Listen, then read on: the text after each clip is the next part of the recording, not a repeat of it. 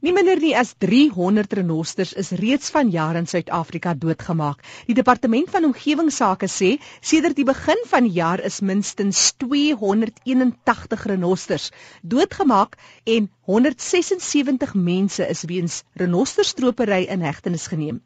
Die nasionale kreerwiltuin loop die swaarste deur met 'n verlies van 164 renosters net vir die jaar.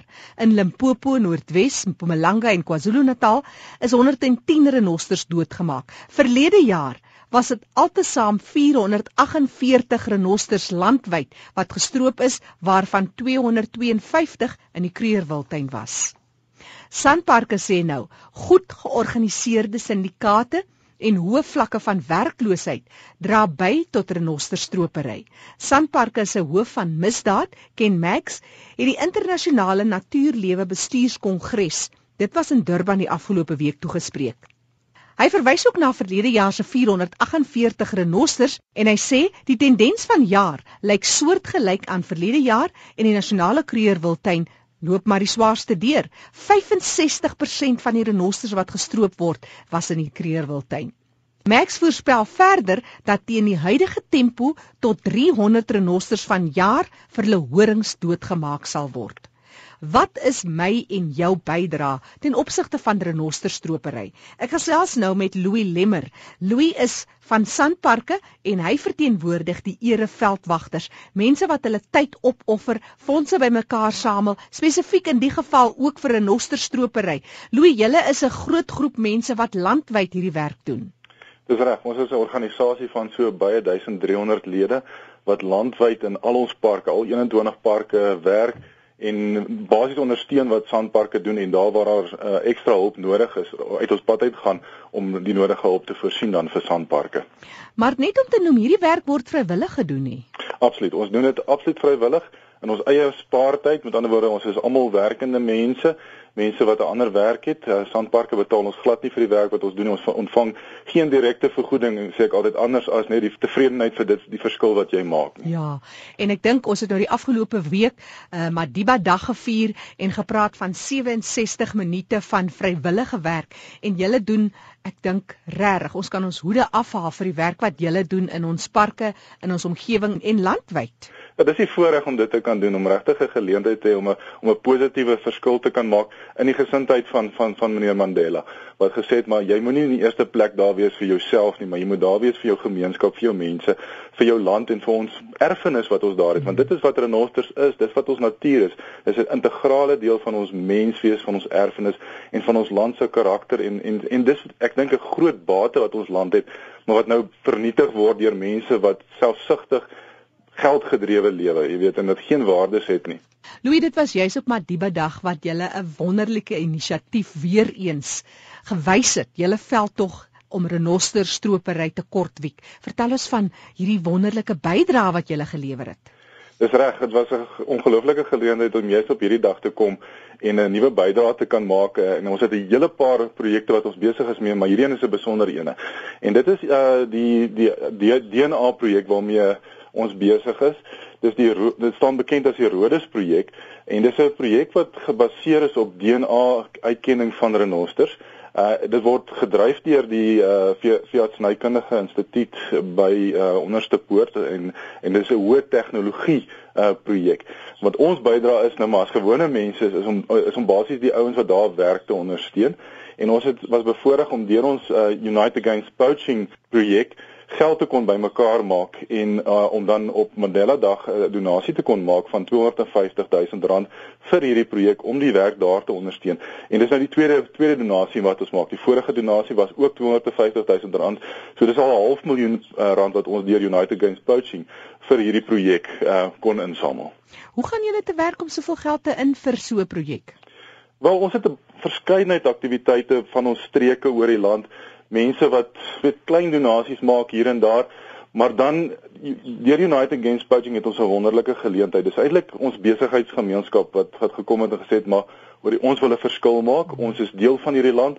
Ons on, on, en ons wil regtig ook 'n positiewe verskil maak in hierdie land en uh, die Unitrans Volkswagen en Audi groep het gekom en hulle hulle het gesê hulle gaan R500 vir elke liewe voertuig wat hulle by een van hulle 13 handelaars verkoop uh, skenk vir vir die United Against Poaching projek. So elke voertuig wat daar gekoop word, kry ons R500 voor en dit, dit word ons dan maak ons dan bymekaar en ons as ereveldwagters identifiseer dan die beste plekke waar ons hierdie geld kan gaan belê om 'n verskil te maak in in die hele stroop uh krisis wat ons het. Louis, ons is bevoorreg om die ereveldwagters te hê in Suid-Afrika en die werk wat julle doen, onbaatsigtige vrywillige werk ten opsigte van in die geval nou renosterstropery, maar dis maar een aspek waarop ons nou fokus. En as ek nou kyk na die res van Afrika, jy weet, ons is darm 'n bietjie meer en beter toegerus en meer vermoond.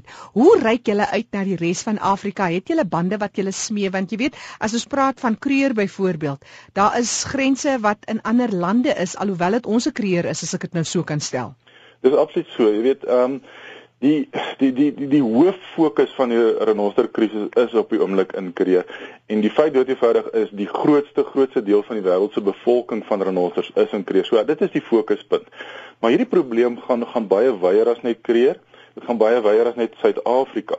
Uh kenners sê byvoorbeeld vir ons op hierdie stadium dat die volgende groot probleem wat ons gaan tref is uh, uh is olifantstropery en en ook selfs leeubene. So georganiseerde misdaad, hulle kom in waar hulle geld gaan maak, gaan daai geleentheid gryp.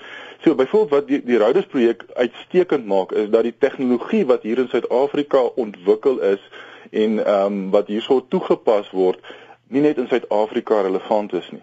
Die Rhodes projek het byvoorbeeld al op hulle database renosters van Kenia, van Namibië, van Botswana, van Zimbabwe. So oral waar die groot ehm um, renosters populasies nog uh, vatbaar is, daarso gaan die probleem is die probleem van van van stropery daarso en kan ons deur hierdie Rhodes projek uh, ook na hulle uitreik en sê maar hier is hoë vlak tegnologie wat ons vir julle beskikbaar stel om ook julle uh, renoster populasies op te pas. Net so ter afsluiting Louis, vertel ons bietjie meer oor die Rhodes projek. Jy praat van 'n hoë vlak tegnologie. Ek is seker dit is nou meer vir wetenskaplikes en so meer want jy kyk na die DNA van die renosters en die samestelling en so meer. Maar wat is van die interessanthede wat jy met ons deel spesifiek oor hierdie program? Ja, uh, ek was gister per toeval uh, by die geleentheid gehad om om by die uh, laboratoriums by onderste poort te gaan rondkyk en ek moet vir jou sê selfs vir my as 'n gewone mens, dat waar gebeur soms 'n bietjie bo jou kop. maar maar dis basies waarop dit neerkom. Ons ons almal ken DNA. DNA is daai daai vingerafdruk wat in jou selle sit ja. van wie jy is. En in die verlede het mense gedink, ehm um, DNA is nie sinvol dit kan nie gebruik word by renosters nie want hulle het vermoed dat uh, daar nie DNA in die renoster horing self is nie. Maar deur die werk wat dokter Cindy Halpier hulle by onderste poort gedoen het, het hulle gesê maar gesien maar hulle kan DNA van die renoster horings af onttrek. En deur daai DNA dan te onttrek en hulle gee letterlik soos 'n vingerafdruk. Dit elke DNA vingerafdruk is uniek. So daai renoster se unieke patroontjie sit daar, jy weet presies watter renoster is dit. En nou nou kan jy sy horing Ehm um, by die maar daar was 'n karkas gewees wat ontdek is en die die renoster word ergens in in Asië maar ontdek. Kan hulle daai spesifieke renoster horing by daai spesifieke insident uitbring? Die die die uh klere wat die mense gedra het, die pangas wat hulle miskien gebruik het om daai renoster horing af te kap, alles kan verbind word tot daai spesifieke misdaad en dit maak dit moontlik vir vir ons polisie uh, vervolgingsgesag om om om die persone te kan makliker te kan vervolg, makliker te kan identifiseer en dit bring mee dat daar 'n beter uh, wetstoepassing op die ou en plaasvind wat 'n groter afskrikmiddel word um, vir vir die misdadigers. So dis die wonderlike voordeel van DNA en en daar's 'n tweede voordeel van DNA wat 'n mens ook baie keer nie aan dink nie want die die die die stroopprobleem is op die oomblik 'n groot krisis, maar deur beter DNA-analise van die bevolking kan die bevolking beter opgepas ja, word want ja. ons renoster bevolking is baie klein en niemand weet presies hoe hoe loop die die, die genetiese lyne binne die renosters nie. Maar nou, deur hierdie uh, analise van die DNA kan daar nou beter beplanning gedoen word sodat on, ons wil nie net die die stroopprobleem stop nie. Ons wil ons be, bevolking uitbrei en gesond hou. En dis die volgende voordeel dat DNA analise ook vir ons ons so is in die bestuur van jou renoster bevolking En kyk wat renosters aanbetref, enige renoster is uh, hulle sal vir enige renoster gaan. Daar is klein populasies byvoorbeeld van die Java renoster, die um, die wit renoster en die swart renoster wat ons nou ken is het gro half groter populasies, maar daar's in in in in die Asië gebiede is daar klein populasies van renosters wat wat wat unieke spesies is wat omtrent 5 of 6 individue oor het in die in die totale wêreld, maar hulle gee nie om nie. Dit gaan oor geld So hulle sal daai renosters skiet net om daai horing in die hande te kry want dit is vir waaroor dit gaan. En dit maak nie vir hulle verskil of dit nou 'n swart renoster horing of 'n wit renoster horing is nie. Die mense gaan daarvoor want hulle sien nie die geld wat hulle daaruit kan maak. Hmm. So dis dis dis 'n groot bedreiging van van vir die renosters op die oomblik. Louis Lemmer wat met ons deel oor die werk en die bydrae wat hulle lewer as ereveldwagters ten opsigte van renosterstropery. Louis vir mense wat met jou wil gesels oor die werk wat julle doen, ereveldwagters en so meer, gee vir ons 'n bietjie kontakbesonderhede. Ja, mense is baie welkom om ons te kontak. Ons het eh, die maklikste is miskien deur ons webwerf, uh, dis www.sandparksvolunteers.org. Daar's al ons kontakbesonderhede, ook ons verskillende streke.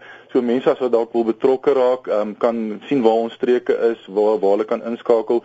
Ook as mense spesifiek voel maar hulle wil self betrokke raak by hierdie geveg teen en ons noem dit eintlik 'n oorlog want dit is letterlik 'n oorlog. Um, ek praat gister met uh, met Ken Max en hy sê vir ons daar's tot soveel soos 15 of 16 insidente per dag want dit nou volmaandtyd is in in die, die kreer wildtyd 15 tot 16 groepe wat inkom om probeer om ons renosters daarso te stroop. So dis letterlik amper 'n oorlog wat daar aan die gang is en ons het regtig al die ondersteuning nodig. So mense wat miskien sê net maar self 'n donasie wil maak, hulle kan ons ons webwerf besoek. Daar is 'n geleentheid vir hulle om daar 'n donasie te maak of besighede. Ons is veral op soek na besighede wat sê maar ek wil ergens betrokke raak, ek wil 'n verskil maak, ek is bereid om my besigheid te te benut of die bronne wat ek het, hmm. kontak ons asseblief deur die webwerf en en ons sal met julle opvolg van daar. Ja, uh, ons het nou nie eens gepraat oor die veiligheid van die ereveldwagters en mense wat hulle tyd opoffer om hierdie renosters te beskerm, byvoorbeeld in Kruger.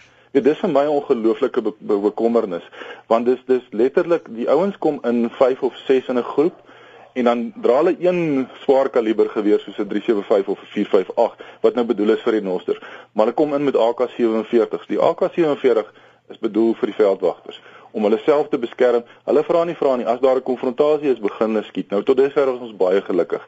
Ons ons veldwagters nog niemand is gedood nie is al gewond, maar dis 'n kwessie van dis hoë risiko wat daar gebeur. Ons as ereveldwagters 'n groot deel van die ander werk wat ons byvoorbeeld doen is om vir ons veldwagters opleiding te verskaf in paramilitêre optrede sodat hulle die beste toerusting het, sodat hulle die beste opleiding het om hierdie situasies te kan hanteer. Maar dis letterlik, dis 'n dis amper 'n laaf vlak van oorlog wat op die oomblik gebeur en ons is baie bekommerd oor die veiligheid van ons veldwagters.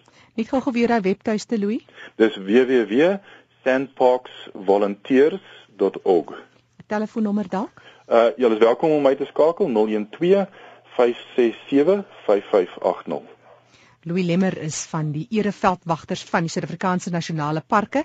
Skakel hom gerus Pretoria kode 012. Die nommer is 567 5580. Opgemaak draai op die webtuiste by www.sandparksvolunteers.org.